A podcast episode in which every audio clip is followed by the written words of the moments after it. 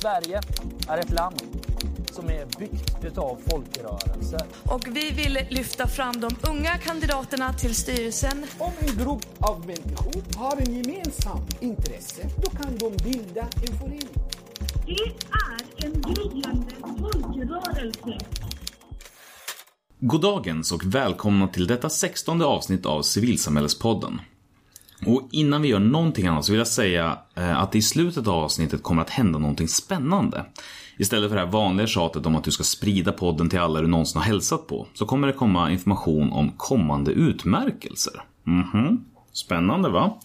Och eh, jag som sitter här med förhoppningen på rösten heter ju som vanligt Charles Metzma. Och till vardags så hittar ni mig som förbundssekreterare i Sverok, men här representerar jag mig själv. Och till dig som håller räkningen så vill jag helt öppet säga att ja, två veckors schemat har spruckit i och med detta avsnitt som kommer ut tre veckor efter det senaste. Detta beror på att jag var tvungen att prioritera andra engagemang, som mitt jobb, eh, över att hitta gäster till kommande avsnitt. Men förhoppningen är att vi helt enkelt börjar om och släpper ett eh, avsnitt varannan vecka på uddaveckor istället för jämna. Och förhoppningsvis så rubbar detta inte dina cirklar allt för mycket. Men, eh, nog med förhandsinformation, för idag så sitter jag här tillsammans med Barbro Engman. Som inte är förtroendevald eller anställd någon särskild stans, men arbetar i och runt ideella sektorn. Stämmer bra det. Goddagens. Goddagens. Är du redo? Jajamän. Då kör vi och eh, först ut på dagordningen så står det att vi ska lära känna dig lite bättre. Så jag tänkte helt enkelt ställa frågan, hur eh, blev du en engagerad människa? Ja, det beror på att jag är uppväxt i en otroligt politiskt engagerad familj. Så att jag hade ingen annan föreställning än att man skulle vara det. Och var det något man skulle prata om vid matbordet, då var det politik. Så att jag är verkligen eh, ja, rakt in i att det där var någonting som var lika viktigt som att äta. Så skulle man engagera sig. Och det gjorde att jag eh, blev ordförande i SSU när jag var 14 år. Och sen så blev jag så småningom ordförande i facket på Försäkringskassan där jag började jobba när jag var 21 och så hamnade jag i riksdagen när jag var 24. Och sen har jag också varit landstingsledamot och kommunfullmäktigeledamot så jag har varit en enligt mitt förmenande mycket god medborgare. Som har gjort mitt när det gäller åtminstone de demokratiska institutionerna. Men sen är det ju så att alla människor som är engagerade de hamnar också i föreningslivet. Eh, och många hamnar ju på väldigt många olika ställen. Man är parallellt verksam i idrottsrörelse eller i ja, ideella sektorn överhuvudtaget. Och det gjorde ju jag också då. Men eh, efter att jag lämnade riksdagen så har jag hållit på väldigt mycket med samordningsprojekt eh, mellan olika myndigheter och aktörer. Jag har startat ett behandlingshem för missbrukare. Jag har varit hälsoplanerare. Jag har eh, var utrett barn och ungdomspsykiatrin i Dalarna. Jag har suttit i kommissionen mot ekonomisk brottslighet, i medicinalväsendets ansvarsnämnd och ja, en massa sådana saker som följer av att man väldigt mycket att man är riksdagsledamot. Och eh, sen har jag inte minst varit förbundsordförande i Hyresgästföreningen i 14 år. Och det blev jag efter att jag ansvarade för en omorganisation eh, som eh, Hyresgästföreningen ville göra och beslutade om vid kongressen 2000.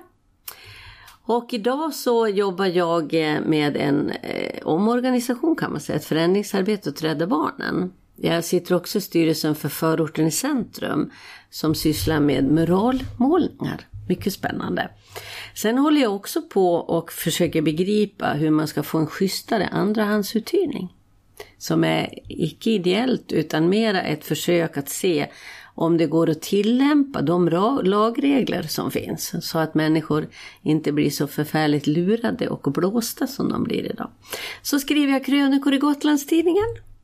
Ett gediget eh, CV som vi fick presenterat här ändå. Ja, jag tycker att jag har haft tur eftersom jag har man lär sig otroligt mycket på det här.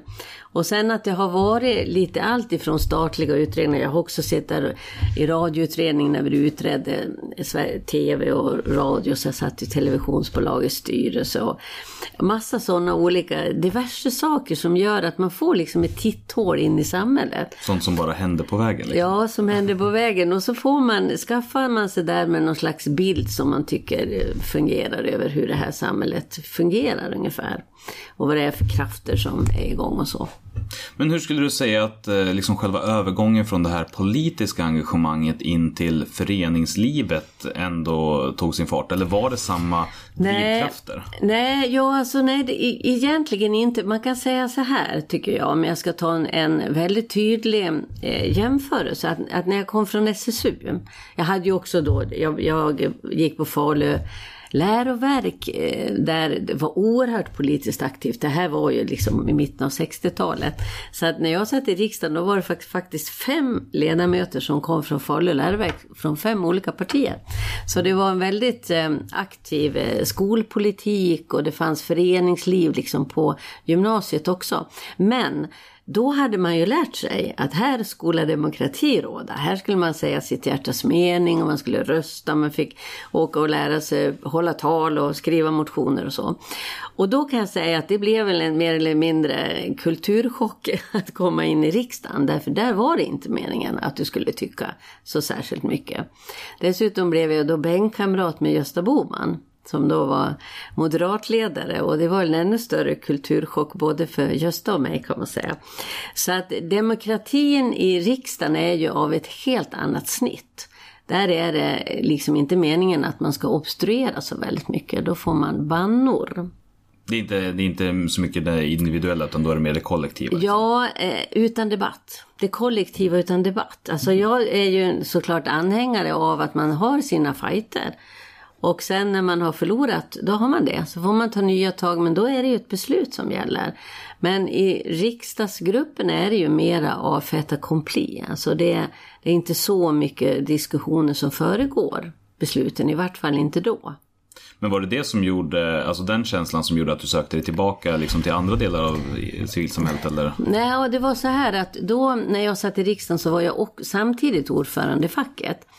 Och eftersom jag då hade långa sommarlov i riksdagen så kunde man ju inte ha utan då jobbade jag på Försäkringskassan. Och så satt jag i lunchrummet en dag på Försäkringskassan i Odenplan och så hörde jag hur de pratade där och så tänkte jag så här, det är inte dem det är fel på, det är mig. Det vill säga de hade ju samtalsämnen som inte förekom i min lilla eh, liksom bubbla av politik och fackliga saker. De var inte så intresserade av propositioner och utskottsarbete och, och sånt som man tyckte att världen kretsade kring. Så då bestämde jag mig för att, att jag måste göra någonting annat. Annars så kommer jag att bli tappar liksom eh, greppet om vad som är liksom viktigt. Jag kan ju inte sitta till jag går i pension i riksdagen för då har jag suttit där i 50 år eller något. Så att jag måste ju eh, göra någonting annat. Och då bestämde jag mig för att nej, men nu ska jag sluta. Och eh, så gjorde jag det. Och ehm, eh, ja, och då flyttade vi så småningom till Dalarna. Och eh, då började jag, då engagerade jag mig inte politiskt först. Utan då jobbar jag väldigt mycket med just eh, att sy ihop liksom företag och organisationer, och, alltså sjukvården, socialtjänsten, arbetsförmedlingen, arbetsgivare för, kring folk som var sjukskrivna, hade missbruksproblem och så. Och det var ju lärorikt. Mm. Att det, hur konsten att samarbeta, den är, har ingen egentligen knäckt koden till. Inte den slutgiltiga i alla fall. Nej, nej. När du har varit på många olika platser och företrätt på många olika vis. Jag tyckte ett samtal som vi hade precis innan micken gick igång. Mm. Eh, som var ganska spännande utifrån att jag själv har börjat reflektera kring det här med liksom, identitet och mm. uppdrag. I och med att jag mm. Eh, har sagt att jag inte kommer fortsätta som förbundssekreterare. Mm. Så, men, men hur har du hanterat att liksom växla identitet så ofta? Mm. Men alltså, man kan säga så här att det är både och på ett vis är det så att man inte släpper identiteten. Alltså identiteten att vara en människa som är engagerad, har lätt att bli passionerad och liksom gå in för saker och ting. Den hänger ju med en. Det är bara det att det blir lite nya frågeställningar. Och sen är frågan om det blir så himmelens nytt heller. Ibland, jag har tänkt på det nu när jag har gått ifrån Hyresgästföreningen till att jobba med Rädda Barnen. Man känner igen en folkrörelse på gången. Det är precis samma problem också i Sverok. Och i alla organisationer, hur får man denna mängd människor att vilja åstadkomma någonting gemensamt där man tar olika kliv framåt? Det är samma mekanismer. Sen kan det röra sig om lite olika frågeställningar. Så att eh, på något vis så, så, så är det ingen eh, övergång i meningen att man bryter liksom någonting. Utan man tar med sig själv in i ett nytt sammanhang. Och så står det inte på så känner man sig lika bekväm med det som det man har lämnat.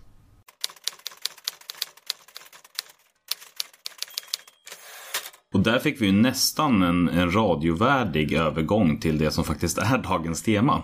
Eh, som, som du har fått välja. Och det är då eh, förändringsarbete Ja. i ideella organisationer. Vi, vi touchade lite på det liksom när du, du pratade om vad du har gjort och liknande. Du har ju jobbat med det i stort sett alla organisationer du har kommit till väl? Ja, det kan man säga. Och även som landstingspolitiker och, och folkhälsoplanerare och utredare av barnpsykiatri och starta ett behandlingshem. Det var inte särskilt lätt heller. Hur kommer det sig att du har fastnat för just det här med att driva förändring? Vad är det som liksom lockar? Ja, eh, alltså jag tycker ju att det, jag tycker att det är oerhört intressant att liksom se hur människor Alltså hur människor relaterar både till frågor och till varandra och till sig själv och så här. För att i ett förändringsarbete då är det ju varje enskild människa som är själva verktyget så att säga. Och då finns det väldigt många saker som går igen. Och då kan man säga att på ett allmänt lite ytligt plan så det första man möter ofta det är att människor säger det behövs jättestora förändringar.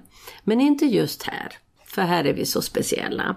Och så börjar man att rada upp exempel på varför det inte passar sig att göra något större ingrepp just där. Det kan vara geografiska skillnader. Det, det är klart att man kan inte samarbeta mellan Linköping och Norrköping eller Falun och Borlänge. Det förstår ju alla. Det är skilda kulturer och skilda sätt att vara.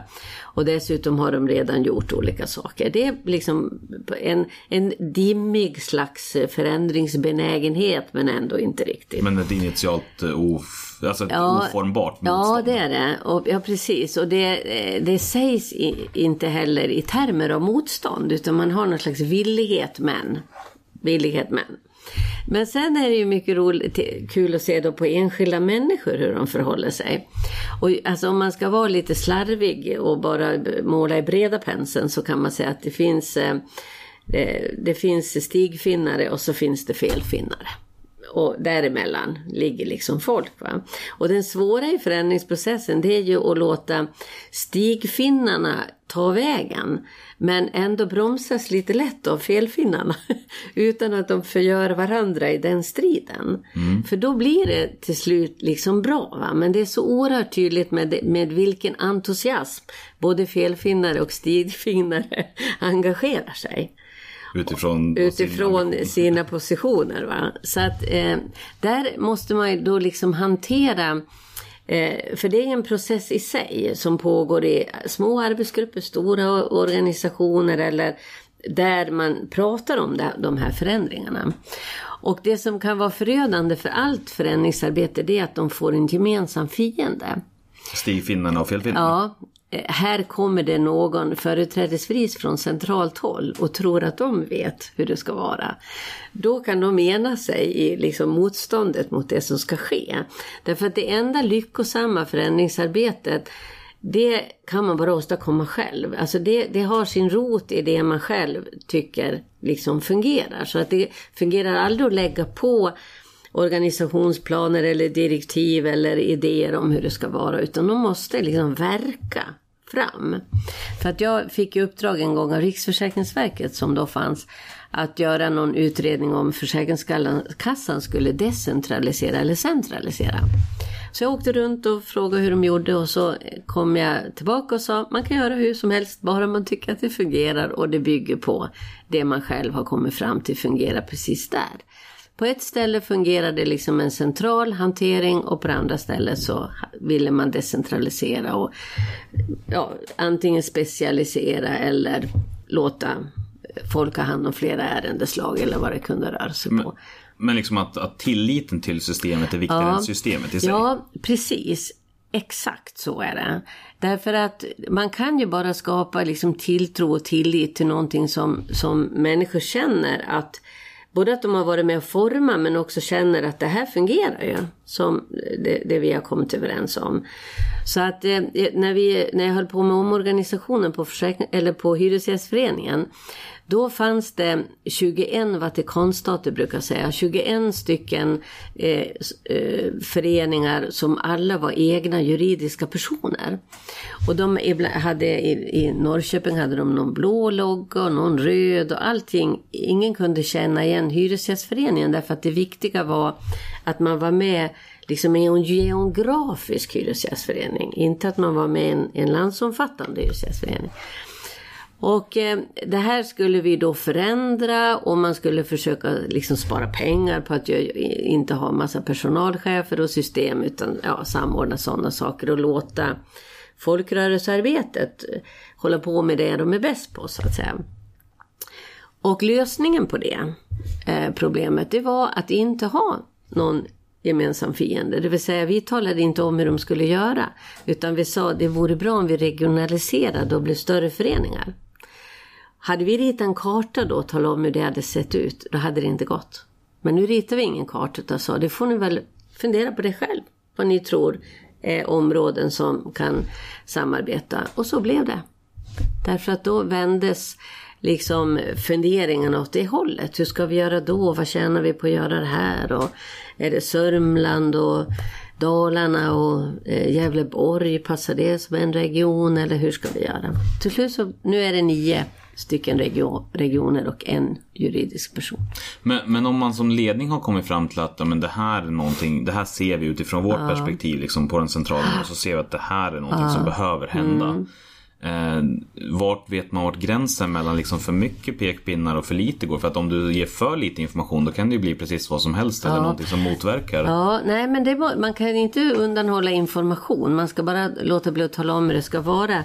Det, jag kan ju som dra en parallell kanske till det här nuvarande jobbet jag håller på med Rädda Barnen.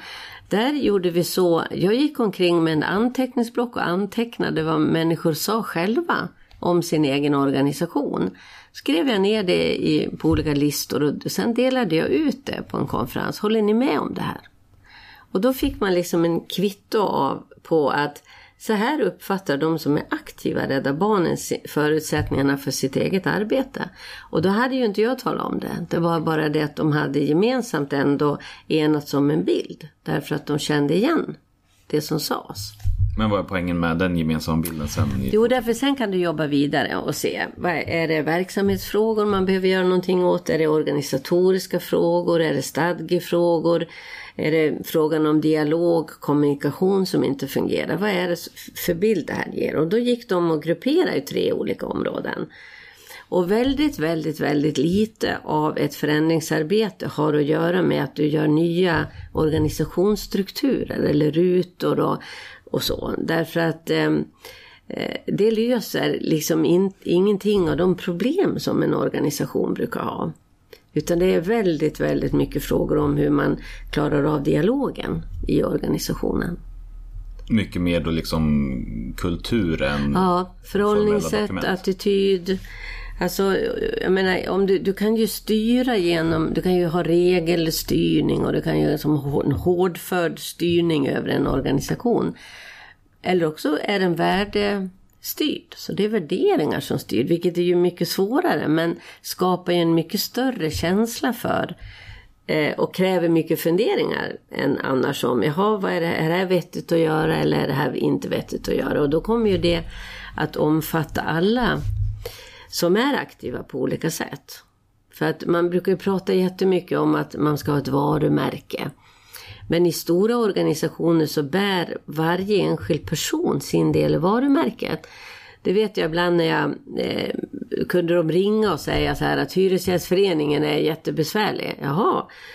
Då var det någon förtroendevald i trappuppgången där som eh, antingen väsnades eller parkerade fel eller någonting. Och då blev, det, då blev den personen hela Hyresgästföreningen. Mm. Titta hur de gör.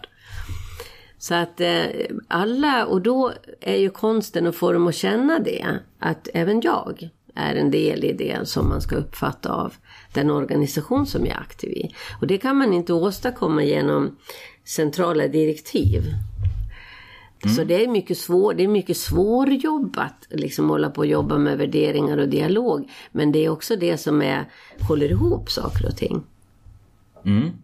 Men, men nu har vi liksom pratat lite grann eh, runt omkring Ja. eh, på lite olika sätt. Jag tänker att om vi försöker måla upp någon slags, eh, inte steg för steg, men lite, lite åt det hållet liksom i liksom själva de olika faserna Mm. av, eh, av en förändring. Vart skulle du säga att allt börjar och hur angriper man den delen? Jo, men jag tror ju då att, allting, att, att allting börjar med att man ska försöka tråla. Man ska försöka fånga in så mycket som möjligt av... Alltså jag tycker att de, många är väldigt duktiga på omvärldsbevakningar och omvärldsanalyser och säger vi måste förändra då därför att omvärlden förändras. Vilket är svårt eftersom framtiden kommer allt oftare. Så är det svårt att få liksom det här hållet på. Det, om, om man eh, ska ta ett, alltså Hyresgästföreningen precis som många andra har ju hundra år. Och, det, och, och konsten är då att förflytta sig från det ena århund, eh, årtiondet till det andra. Men när 60-talet var på sitt vis, 70-talet var på sitt vis, då, då var det ingen som satt och kunde föreställa sig om att vi skulle privatisera skolor eller ha privata apotek eller någonting. Det fanns inte i en föreställningsvärld ens.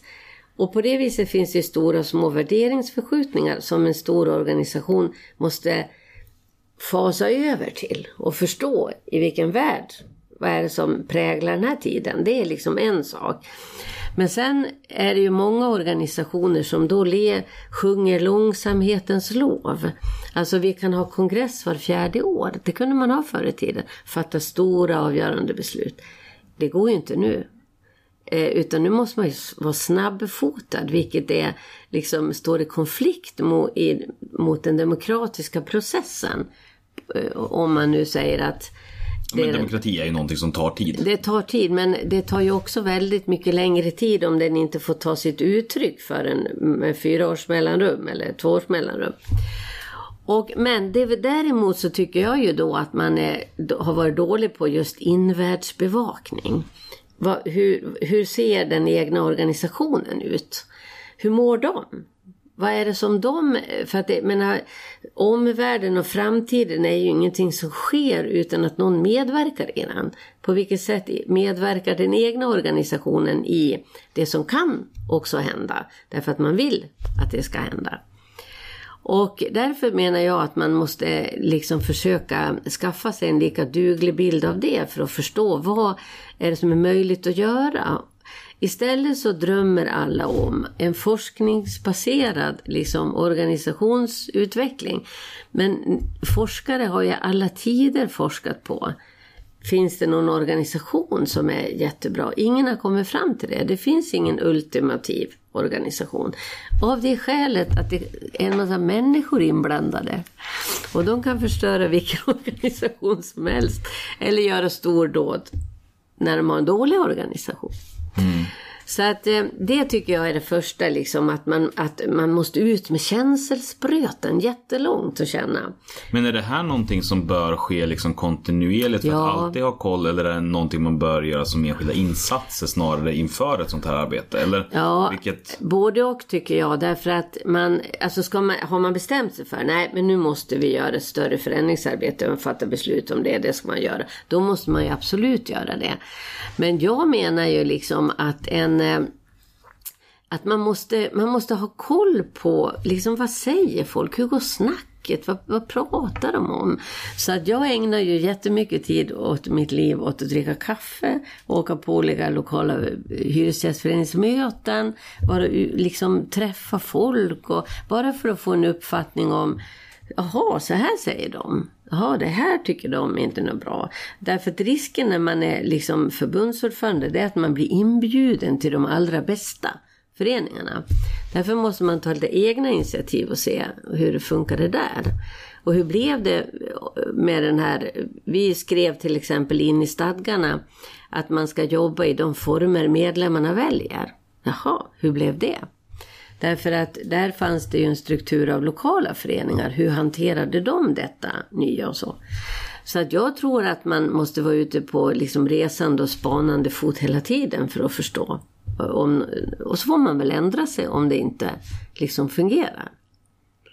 Så att jag, ty- jag gillar det här att man ska vara ute, liksom hoppa tuva och gå på ving, vingliga träskmarker och försöka förstå vad som rör sig i terrängen. Ja, men måla upp en nulägesbild. Ja. Och, dels för sig själv men också på det sättet kanske som du gjorde med att liksom lyssna och presentera det för Man måste få bekräftat på något vis om man är på fel spår eller om man missar saker och ting. Därför att det är ju ändå... Eh, jag vet att jag en gång tänkte så här, nu ska jag sluta visa bilder när jag pratar. Eh, därför att jag förstod på något vis att de ville se om jag såg orolig ut eller inte. Om jag såg eh, glad ut och sa det blir inga marknadshyror. Nej men vad skönt, hon såg så glad ut. att man signalerar ju väldigt mycket på annat sätt. Jag fastnade för det där någon som sa, tänk om Churchill hade haft en overheadbild där det stod punkt 1 blod, punkt 2 svett, punkt 3 tårar. Då hade det aldrig gått. Ja, det hade varit någonting annat i alla fall. Ja, det vore någonting annat. Men eh, om jag utifrån vad du sa tidigare, steg två, förutom att då skaffa sig den här bilden, Mm. kanske är att eh, till viss del cementera den bilden. Ja, då måste man, ja precis, man måste ju komma med ett läge där man säger så här, ja men så här, så här ser det ut just nu. Men är det viktigt att liksom förankra hur det är just nu för att sen kunna liksom peka på en annan riktning? Eller kan man utifrån Alltså tänka sig att men nu, har vi, nu vet Mm. vi hur det ser ut. Då pekar vi bara dit vi ska och inte vart vi är. Eller? Nej, men jag tror att det, alltså det, det, det värsta som kan hända i ett förändringsarbete och som alltid händer, det är ju att man slår back rätt vad det är.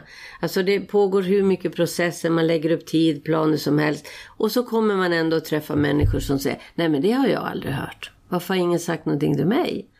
Alltså det böljar fram och tillbaka, fram och tillbaka så man måste ta ett steg framåt och så kolla, är alla med nu då? Var det det här vi var överens om? För att sen när konsekvenserna börjar märkas av det man har varit överens om, då kan man ju få ett nytt bakslag. Nej, det var inte så här skulle väl inte, så här allvarligt var det väl inte, eller så här skulle vi väl inte göra. Så att jag tycker att förändringsarbete är liksom någon slags dans så här, där man går framåt och tillbaka och kollar av. För att man, det kan ju bli helt förstört på slutet om folk eh, slår back. Jag vet på när man skulle mm, ta det här beslutet på kongressen om en ny organisation, då fanns det ju fortfarande jättestort motstånd i vissa delar. Och sen träffade jag eh, efter några år en kille som sa, hur kunde vi vara mot någonting som var så bra? Och som visade sig vara så bra. Och det kan man ju då fundera över. Vad är det som gör att eh, man liksom hamnar på en ståndpunkt och där blir man liksom kvar. Och det är ju väldigt farligt om det är fler som hamnar där. Då, då sker ju ingenting. Men hur gör man för att eh, liksom, eh, välja riktning och få igenom den då? För jag tänker att som i exemplet med Hyresgästföreningen. Mm. Då hade ni ju ändå på förhand bestämt er för att vi ska bli färre organisatoriska Mm. enheter. Eh, vilket är i sig ett ganska stort ställningstagande. Mm. Men, men vad är det som liksom avgör att det blev riktningen och hur togs det fram? Och... Ja, men där är of, väldigt ofta kan, kan det ju, det, i det här fallet underlättades av ren ekonomi. Därför att har man en omsorg, har man, lever man på medlemspengar, då har man ett ansvar att förvalta dem på allra bästa sätt. Då kan man inte lägga pengar på att alla ska ha varsin server, alla ska ha en personalchef, alla ska ha olika system, alla ska ha ett medlemsregister, alla ska ha system för förhandlingsordningar med fastighetsägare, alla ska och så vidare. Det blir dyrt. Och då kan man inte gå till medlemmar och säga vi vill att det ska vara så här dyrt och vi vill att du ska betala det här. Eh, därför att, och då, den vägen gick det ju att säga, tänk vad mycket pengar. Och det har man gjort, spara miljoner på att säga att nej men vi ska ha ett gemensamt medlemsregister därför att människor flyttar ju över landet. Och så ska man lämna liksom Dalarna och så skulle man söka på nytt och bli medlem i Värmland och det var ju jättekrångligt. Så den, då, tänkt, då gick ju det, det gick ju liksom hem. Okej, så måste vi göra för då kan vi använda pengarna till verksamhet, till det som är bra. Så det var ju det som liksom förlöste att man skulle... Och sen kommer ju nästa fråga är ju då också i vilken mån ska man vara en förening? Ska man ha samma bostadspolitik? Ska man tycka samma saker om olika frågor? Det är ju den andra stora grundvalen. Kan man ge ut en tidning om man är eh, fler och inte ha så mycket nyhetsbrev? Det finns ju väldigt mycket sådana frågor som gör att det blir inte besvärligt att se. Okej, men det var, där var det liksom en, en, vad ska man kalla det, ren rationell motivation bakom hur det blev som det blev. Ja, hantera ekonomi och sånt rationellt så vi kan göra någonting för medlemmarna för pengarna. Och vad eh, gjorde ni då där specifikt? När man så här, först har vi skaffat oss ett, eh, en blick över hur det ser ut just nu. Och sen så börjar vi forma en blick av vad vi skulle vilja i det här fallet då minska kostnaderna. Eh, och sen så börjar den här dansen fram och tillbaka. Eh, där man tar in åsikter och ändå styr. Hur, hur dansar man?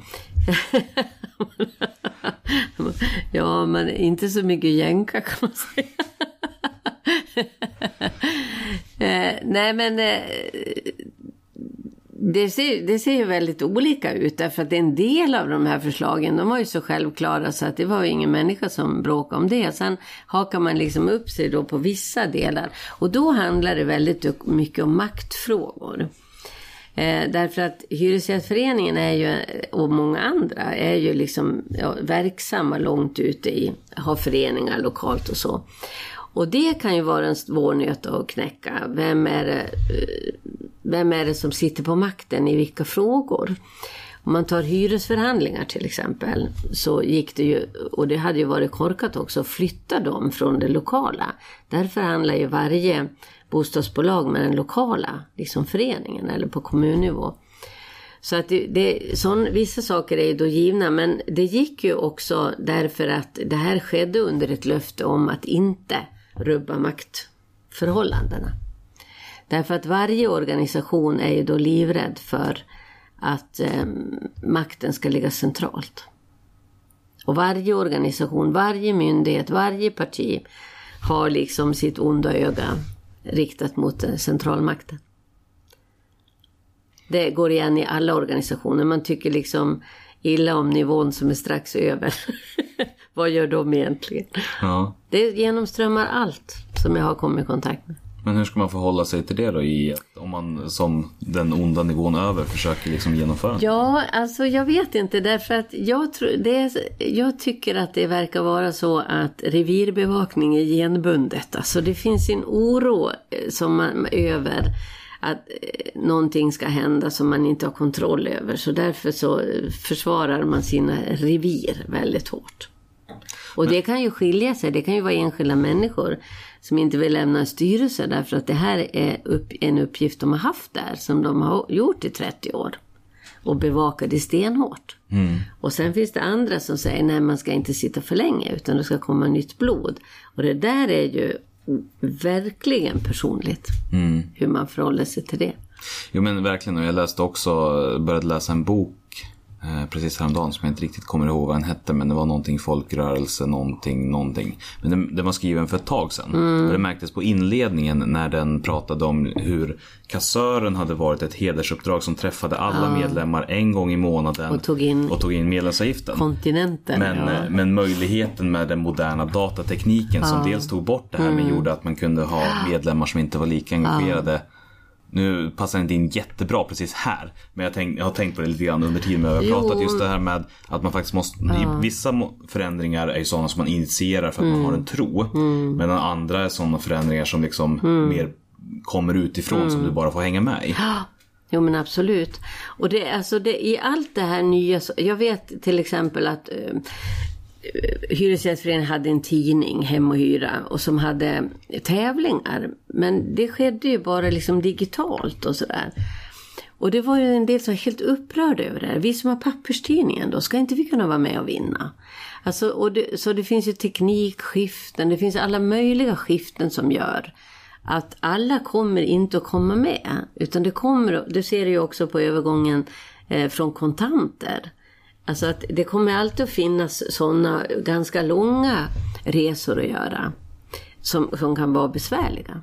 Men hur länge kan man väntas ta hänsyn till det, liksom, oavsett vilken förändring det Mm. är? Hur länge kan man väntas ta hänsyn till det gamla? Nej, man måste, till slut så måste man liksom klippa av det. Därför att det blir dyrt, opraktiskt och eh, det går inte att dra lotter i papperstidningen. Alltså det blir, till slut så blir det omöjligt. Men det kommer ju att skapa en diskussion och frustration liksom under tiden. För att det finns ju, jag menar, det är ju ganska givet att menar, en del människor blir ju jätteoroliga om man flyttar pennan en liten bit och andra de gillar skarpt att leva i förändring. Och det där kommer man inte undan. Vi är väl gjorda så. Och det, och det är väl det som är svårigheten i förändringsarbete, att hantera alla de här olika enskilda människorna som tillsammans ska genomföra en förändring. Men om vi då säger att man har dansat den här dansen ett tag fram och tillbaka och man börjar landa någonstans i den tanken som man hade från början. Det är svårt att säga exakt när man är framme eftersom att det är som där. Men, men finns det någonting som är viktigt att tänka på när du har kommit dit här att så här, men nu känns det som att vi har landat i vad vi vill åstadkomma? Nej men då måste man ju också säga att nu, nu, nu är det över. Nu har vi bestämt det här. Nu har vi klarat av den här processen och några kommer kanske att vara missnöjda med det här. Men nu har vi bestämt det här och då får vi eh, jobba vidare på det och se. Eh, ja, så att man inte är, befinner sig i en ständig förändringsprocess hela tiden. För att det eh, tycker jag har blivit så klart också att alla de här förändringsprocesserna de är ju ofta eh, framtvingade eller initiativet kommer från ledningen. Och i samma ögonblick så signalerar ju också ledningen att ni har ingen anledning att vara nöjda. För vi är inte nöjda. Vi måste nu se vad vi kan förändra, för det här är inte bra. Och då försätter man liksom organisationen i ett missnöjesläge. Där det är meningen att de ska klaga på det som inte fungerar. Alla, många organisationer gör ju SWOT-analyser i överflöd. De vet precis vad de är dåliga på, vilka utmaningar de har och de går in i någon slags kollektiv depression över allt som de ännu inte har fått liksom grepp om. Och så kommer de att upptäcka att även om de gör organisationsförändringar så finns de här svårigheterna kvar.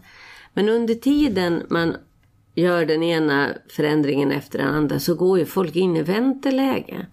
Vad kommer? Kommer det någonting nu då bra ur det här? Så att jag tycker också att man ska vara lite aktsam över hur mycket förändringsarbete man driver. För det, det, det, det blir en eh, dåligt mående organisation under tiden. Men det beror väl ganska mycket på liksom hur det uttrycks eller vilket, alltså på vilket sätt det är exakt. För att de, jag skulle säga att de eh, fallen av förändring som jag har varit med om som har fungerat allra bäst. Det är de när man inte jobbar med förändringsarbete. Utan istället har man en kultur av att ifrågasätta kontinuerligt och liksom, precis. liksom gå småskruva. Absolut.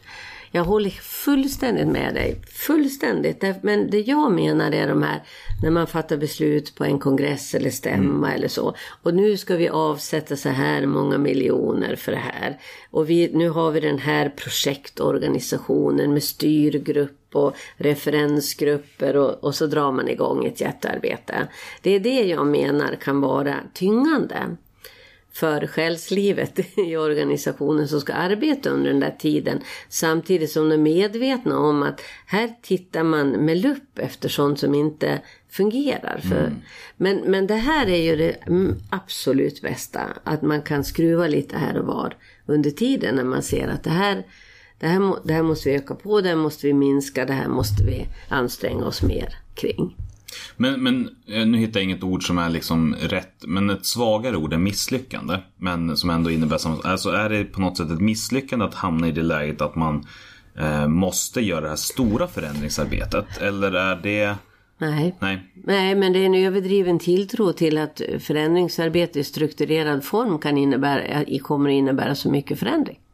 Alltså det, det är en tilltro till organisationsförändring, tilltro till strukturerat förändringsarbete. Alltså en för hög tro på att det kommer att kunna åstadkomma väldigt mycket bättre eh, saker. Liksom eh, att få organisationen att göra väldigt mycket bättre, åstadkomma väldigt mycket bättre.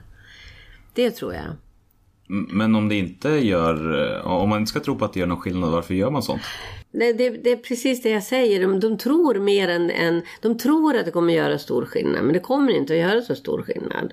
Och därför ska man vara försiktig med de här stora projektdrivna liksom, omorganisationerna och mera kanske försöka sig på att skruva på lite muttrar och kranar under tiden. Nu känns det som att jag varit väldigt otydlig här. Men, ja, alltså, men det jag finns en slags, liksom runt för att vi det ska finns landa i- en slags, alltså det här välsigne, välsignelsebringande förändringsarbetet. Det här, den här organisationen som ska förlösa. Det är det jag menar att man har för stor tilltro till. Ja, okej, men eh, nu ska jag försöka mig på en liknelse, jag vet inte om jag landar rätt. Men alltså är det lite grann som om man är i ett förhållande som man ser att det här är på väg att gå åt helvete, antagligen. Låt oss skaffa ett barn så att det löser det. Ja, precis. Och då går det åt helvete. Nej, men liksom just det här Ja, att, precis. eh, att förändringsarbete i sig liksom inte är av ondo men däremot så måste det initieras av rätt eh, anledningar och inte som en, som en tanke att det här är mirakelplåstret som fixar vad som helst. Ja, precis. Mycket bra. Ja. Då är vi överens. För att samtidigt så går det ju inte på något sätt att tänka sig att småskruvande eh, kommer leda till att man går från 21 till 9 organisatoriska enheter. Nej, nej, nej, men nej, absolut inte. Men det tror inte jag heller. Men jag bara menar att om man nu ska inleda ett förändringsarbete så behöver man inte dra på liksom med, med stora, så döper man det här projektet, det är fas 90, nu ska vi, eller ja det blir liksom jättegigantiskt och alla tänker nu kommer det liksom ändå att lösa sig det här. Utan då får man ta i lite mindre och säga nej vi behöver ta lite steg framåt här.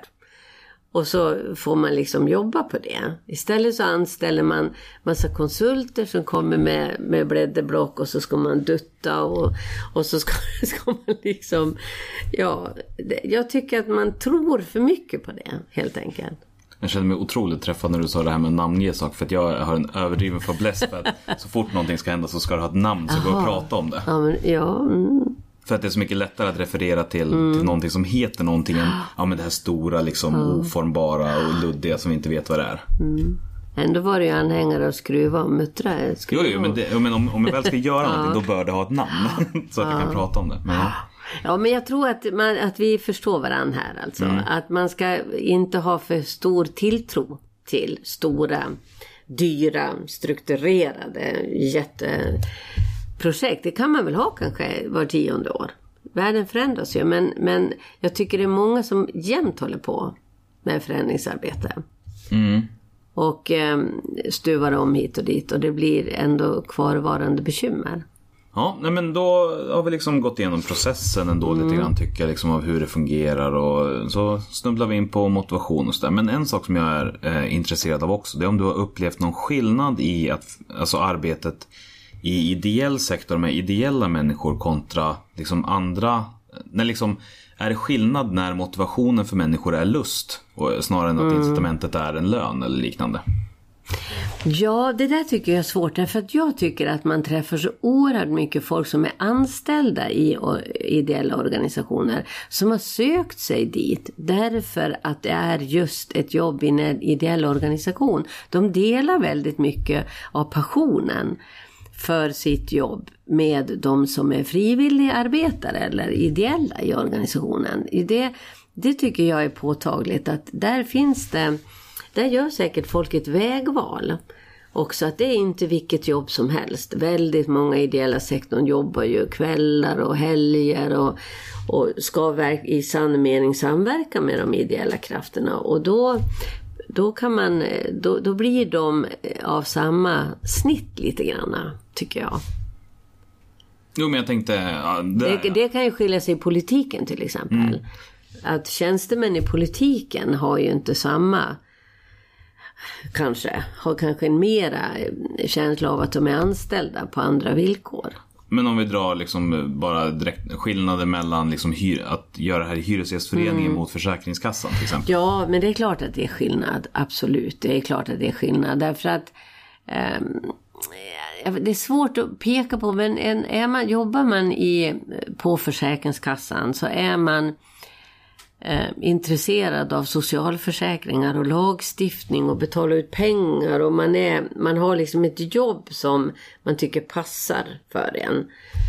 Och eh, där är det ju kanske inte så att man går omkring och tänker på Försäkringskassans allmänna konst att vara, jag menar den är ju politisk, den är så hårt politiskt driven, Försäkringskassan, hur den ska fungera och med vilka värderingar den ska fungera och hur lagstiftningen ska fungera. Så där kommer de ju anställda i ett annat läge. Ja, det är mer att där kommer du få direktiv och de ska du förhålla dig till. Ja, väldigt mycket. Väldigt mycket för att du... Där är, bygger det ju på att du, du inte tänker ut så mycket själv utan där, ja, där är, råder ju lagreglering. Och sen om, om de anställda är missnöjda med det, då blir det ju via facket eller opinionsbildning eller så. Men det är ändå en politiska beslut. Och där finns det ju inte någon koppling mellan, längre mellan de, den politiska sfären och de anställda. Det är samma på Arbetsförmedlingen och överallt.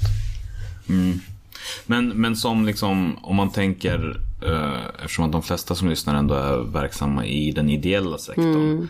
Vad är det eh, särskilt kring just det här med att förändra i ideella? Vi har varit inne på det kanske, det här kanske blir en liksom irrelevant fråga för att den redan fått svar. Men liksom vad, vad bör man tänka på som ledare av en förändring? Eh, eller som är involverad i en förändring för den sakens skull. Liksom i, i att det faktiskt är lustdrivet. Ja, alltså en svårighet som finns också, det är ju om man, om man håller sig till anställda och de som jobbar ideellt, det är ju att de anställda lägger ju oerhört med tim, avlönade timmar på sitt arbete. Medan de andra jobbar lite kvällar och på sin fritid. Som det blir ju väldigt ojämlika kunskaper om vad som rör sig i organisationen, vad det är, ja, sakfrågan, allting, så kommer man ju i obalans. Och där finns det ju en väldig risk att den obalansen slår ut i att eh, ja, man håller, förhåller sig tveksamt till eh, folkrörelsens förmåga att uh, göra saker och ting. Alltså det, det tycker jag att man har kunnat märkt också. Därför att man, man har själv ett sånt försteg som anställd. Och då kan man ha lite för bråttom eller tycka varför kan inte de det där? Och så här är det ju egentligen. Ja, och i det försteget så blir det att man springer lite för fort Ja. och inte lägger tillräckligt med energi för att Det- liksom, precis. utjämna det då. Ja, det ska kan bli liksom ett dike däremellan faktiskt. Det fin- och då kommer det ju också väldigt mycket kritik om att folkrörelserna har blivit tjänstemannastyrda. är ju oerhört vanligt synpunkt på de stora folkrörelserna. Och det har väl sin grund i detta, att man har så ojämlika ingångar och arbetsförutsättningar. Men vad har du upplevt som, eh, som svårast i att eh, liksom driva förändringar i ideella föreningar? Nej, jag tycker fortfarande, alltså jag tycker att det svåraste är just det här att få span på var bromsarna ligger någonstans och, och eh, vad som är möjligt att göra. Alltså hur mycket motstånd kommer man att få. Alltså att identifiera enskilda individer? Ja, eller därför att det är de eller grupper. Men det finns ju, alltså du kan ju åka på ett ställe och så pratar man sig varm för någonting och alla är jätteglada och säger yes, det där låter ju väldigt bra. Så kommer du på nästa ställe. Nej, nej men det där är inte, men det där var ju inget bra. Vem är det som har tänkt ut det där? Och eh, då gäller det ju att förstå, men hur kommer det sig att det kan vara så väldigt olika reaktionsmönster? Och då, då, jag tycker ju att det blir en blandning av att, olika slags hot som man känner mot den egna positionen, den egna styrelsen, den egna ekonomin, vad det än är för någonting som kan göra att, att man, det slår back. Och slår det back tillräckligt mycket, då vill man inte öppna dörren för att prata heller. Och, och får man för många sådana eh, bakåtsträvare eller felfiddare, då, då är det svårt att ta sig fram. Kan det vara så att hela, hela grejen, då blir det väl nästan så att hela grejen går i baklås och liksom Ja. det är omöjligt att genomföra oavsett hur god tanken var. Ja, men precis därför att det som är, ibland är ju liksom motståndet känslostyrt va. Alltså du har väldigt svårt att få reda på vad är det för någonting. Utan man kan mötas av liksom åsikten, ja men jag känner på mig att det här kommer inte att bli något bra. Nähä, känner på sig att det inte kommer att bli något bra. Vad gör man för att gå vidare i en sån diskussion? Det är ju jättesvårt. Nej men jag känner till en annan förening och de gjorde så här och det vart inte bra. Mm. Nähä, vad var det som inte blev bra med det då? Så att det är ju, annars så kan det ju vara eh, diskussioner som har en annan karaktär därför att man säger att att nej men nu har vi räknat på det här och tittat ordentligt och vi kommer till ett annat resultat. Ja men då har man ju någonting att utgå ifrån när man pratar. Men eh, det andra är liksom mycket svårare det här när människor tycker att cirklarna rubbas för mycket. Men hur har du gjort för att hantera sånt då? Alltså att folk känner att någonting är fel. Man ska inte säga så här, jag hör vad du säger. det får man inte säga. Det är det värsta uttryck jag vet. Ja, men det säger ju ingenting. Jag hör vad jag säger, men jag tänker inte tala om för dig vad jag tänker göra med det där. Det kanske går ut in i ett öra och ut genom det andra örat. Det är liksom ingen, tycker jag, det är ingen replik av värde liksom, som mottagaren kan göra någonting med. Eh, men eh, eh, jag tror att då får man, eh, är det väldigt mycket, så då får man, då får man ju ta liksom lite omtag. För att man, om man ska göra förändringsarbete då måste man ute och röra på sig och prata och höra liksom med folk. Och så får man väl eh, konstatera ibland att nej men det här kommer liksom inte att falla i god jord hur vi än gör. Men det är ändå en väldigt liten andel. Så att Men- då hoppar vi över det. Men är det viktigare att liksom försöka stärka stigfinnarna som någon form av ambassadörer eller att motverka felfinnarna så att de inte blir så högljudda? Nej, alltså det är ju, konsten är ju att få balans mellan dem där. Därför att stigfinnarna kan ju också rusa iväg bort till skogen som man inte vet var de tar vägen. Så det gäller ju, och det är väl, det kanske är din fråga, det är balansen mellan felfinnare och stigfinnare som är det riktigt svåra. För du kan inte ta död på liksom lusten och glädjen som stigfinnare har. De är ent- entusiastiska av 17. Ja men nu gör vi det här och så. Och, eh, eh och sen har och de får ju inte heller rusa iväg. Och de, de riskerar ju också ibland att bli väldigt eh, okonkreta liksom. De här visionärerna som säger vi ska bli och nu ska vi. Det måste också finnas ett innehåll i hur ska vi liksom bli det på för sätt. Så att det är ju en svår liksom, balansgång det där. Men det intressanta är att det finns. Alla de här finns. Eh, Det gäller bara att och, ja, spana på hur de, hur de relaterar till varann på något vis. Det här låter ju väldigt luddigt men jag tror att man ska vara luddig därför att det värsta man kan göra det är ju att bestämma sig från början att så här ska det vara, punkt slut och så ska det drivas igenom. För det är ju ingen konst att driva igenom beslut. Nej. Alltså det, den, varje smart ledare avstår ju från sin makt. Så fort de kan. Varje smart ledare inser, om de är rädda om sitt eget skinn, att det är bara demokrati som kan skydda dem. Det, därför att den dagen det blåser till och de står där, då är det ingen glädje av att veta att man inte har folk med sig. Utan den dagen det blåser till och andra kan säga, jo men vi har också varit med. Så att en lat eh, och eh, egoistisk ledare jobbar hårt på demokratin. Väldigt vackert.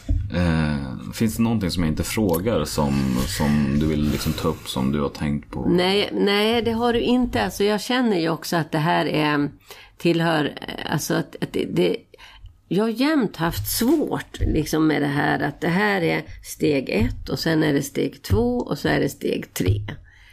Därför att när man står på steg tre och upptäcker att de där, en del är på steg ett och där tänker de stå kvar.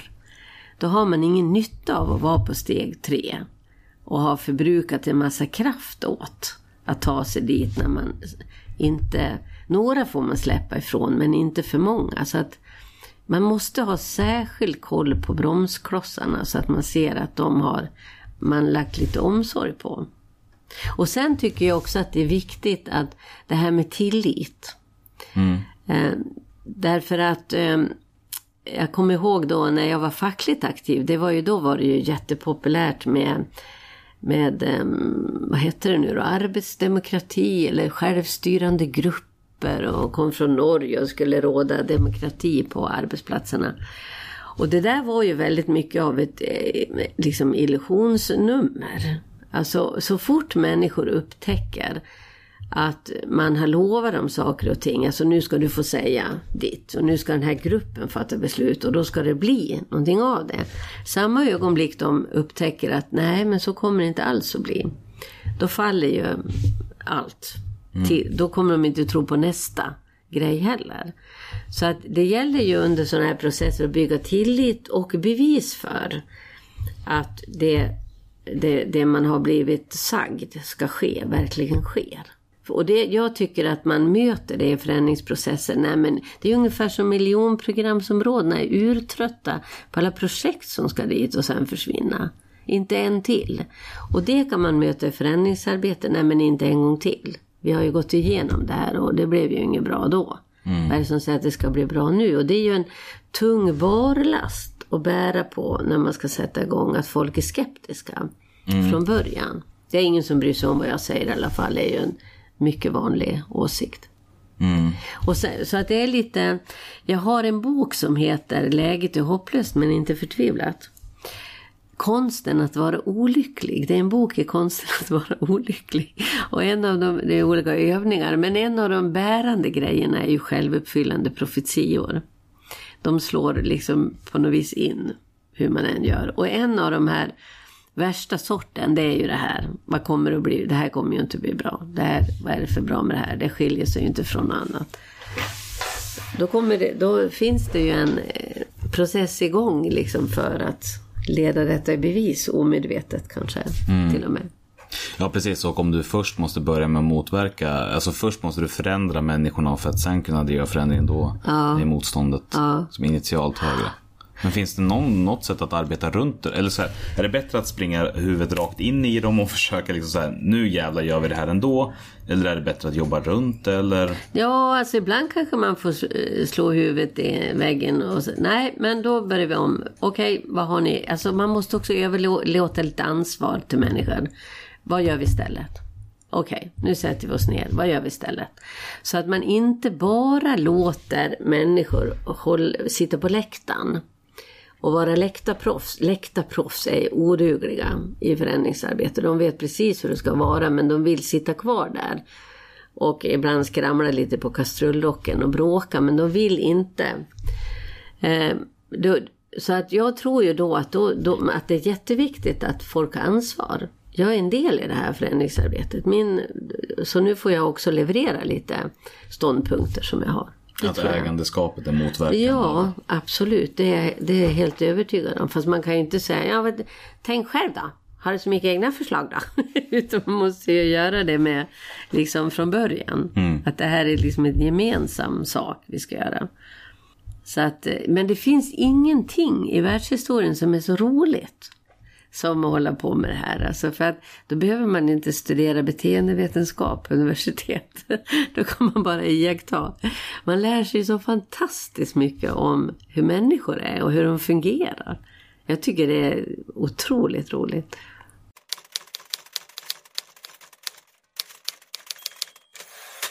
Tack så jättemycket för det här samtalet. Det har varit väldigt eh, intressant tycker jag. Eh, och avslutningsvis så skulle jag vilja be dig dela med dig av personliga erfarenheter som är kopplat till ditt engagemang på något sätt.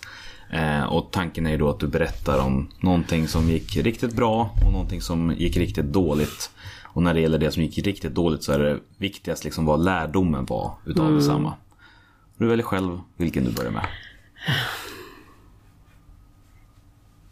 Nej men som gick riktigt dåligt, alltså det...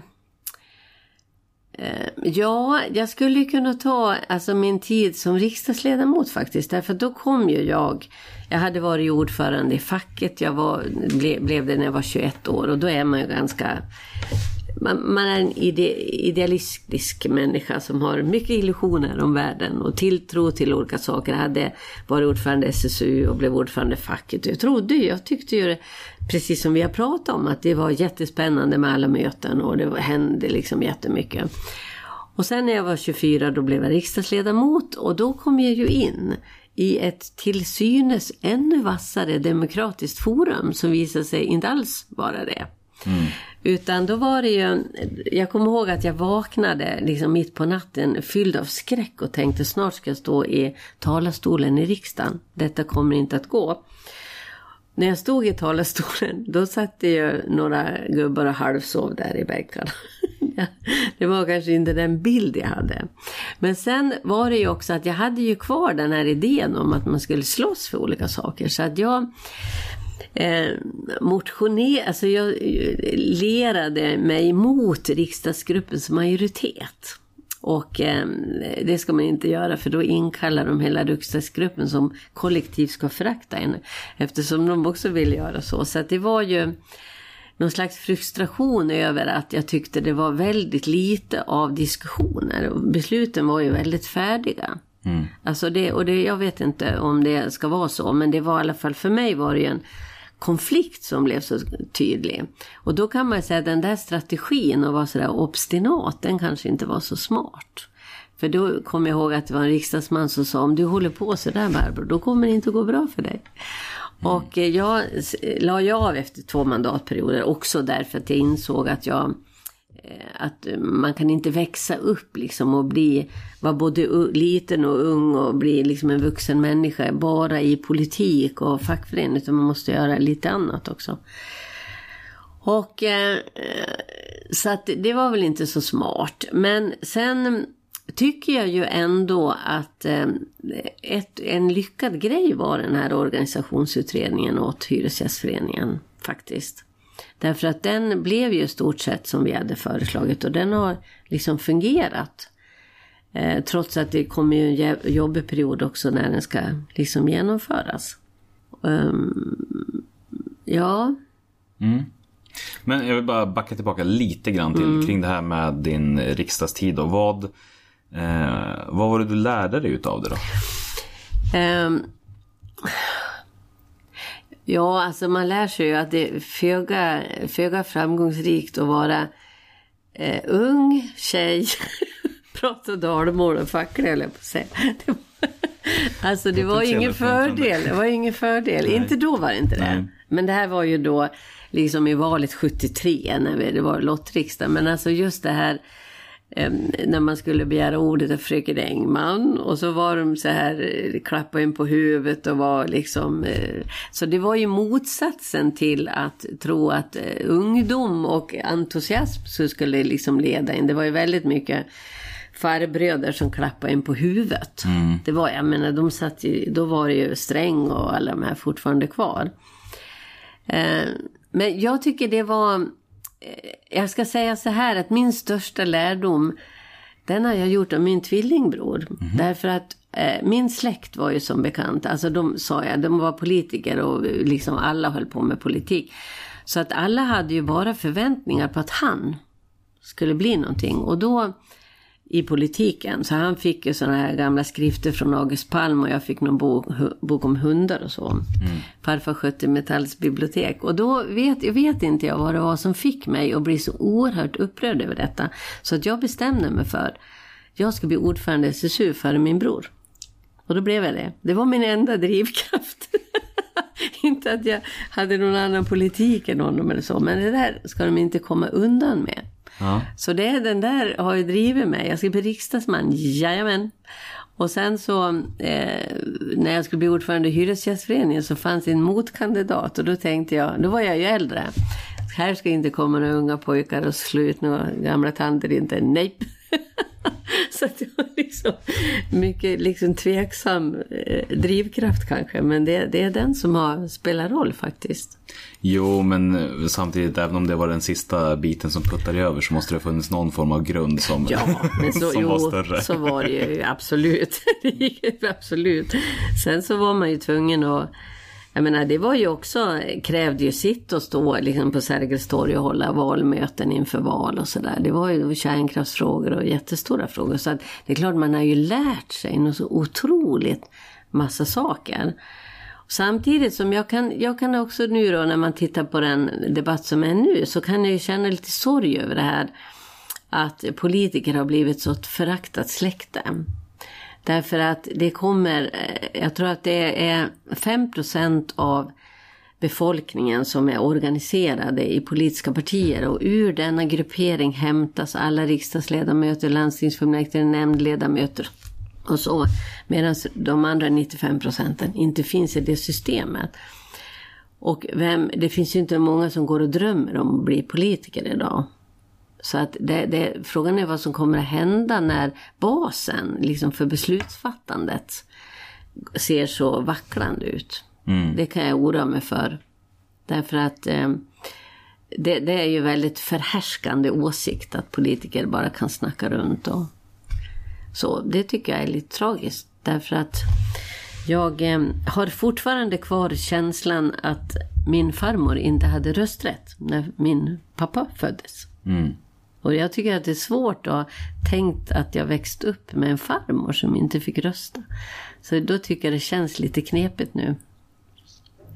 Det är en fjärdedel som är beredd att sälja sina röster av svenskarna. Det finns ju jättemånga som inte tycker det är något viktigt att leva i en demokrati. Stora tankar nu så här precis på ja, slutet. precis. Men eh, vi får se vad framtiden ja. och vilken typ av förändringsarbete som behöver göras för att motverka ja, den utvecklingen. Det kommer att vara nödvändigt, det tror jag. Jättestort tack till dig ja, Barbro för tack att du så mycket, så trevligt. och som jag nämnde i början så tänker jag inte be dig som lyssnar att sprida podden vidare för att du älskar den och vill den väl. Utan istället så ska jag prata om den osynliga formalians hyllande. Detta kommer vara en prisutdelning för sånt som inte så ofta uppmärksammas och får den kärlek som det förtjänar. Eh, och tillsammans ska vi därför besjunga och lova den i fem separata kategorier. Och det är då alltså årets verksamhetsberättelse, årets ekonomiska berättelse, årets revision eller revisor, jag har inte bestämt mig ännu riktigt, eh, årets stadgerevidering och årets styrdokument. Eh, mer info om detta kommer att finnas eh, när detta avsnitt släpps på www.civilsamhallespodden.se i en bloggpost som heter någonting i stil med den osynliga formaliens hyllande. Eh, och där kommer jag också ställa upp vilka kriterier som kommer bedömas, hur tävlingen går till och framförallt, det viktigaste av allt, hur du nominerar. Därför att det här kommer bara fungera om det är så att vi får in en massa förslag på häftiga grejer. Så att om du någonsin har tänkt att men det där var en jävla tydlig verksamhetsberättelse. Jag önskar att alla mina föreningar någonsin hade gjort sådär. Eller liksom så här, ja men fan vad skönt att vi ändrade det där kommatecknet i den stadgeparagrafen. Nu är jag äntligen frid i själen och kan gå hem och skriva en dikt i det här årsmötets ära. Eller någonting som inte var fullständigt lika spektakulärt, så gå in och nominera. Eh, hör av dig så hörs vi om två veckor igen. Och återigen ett jättestort tack till dig Barbro. Tack så mycket. Sverige är ett land som är byggt utav folkrörelser. Och vi vill lyfta fram de unga kandidaterna till styrelsen. Om en grupp av människor har en gemensam intresse, då kan de bilda en förening. Det är en gryende folkrörelse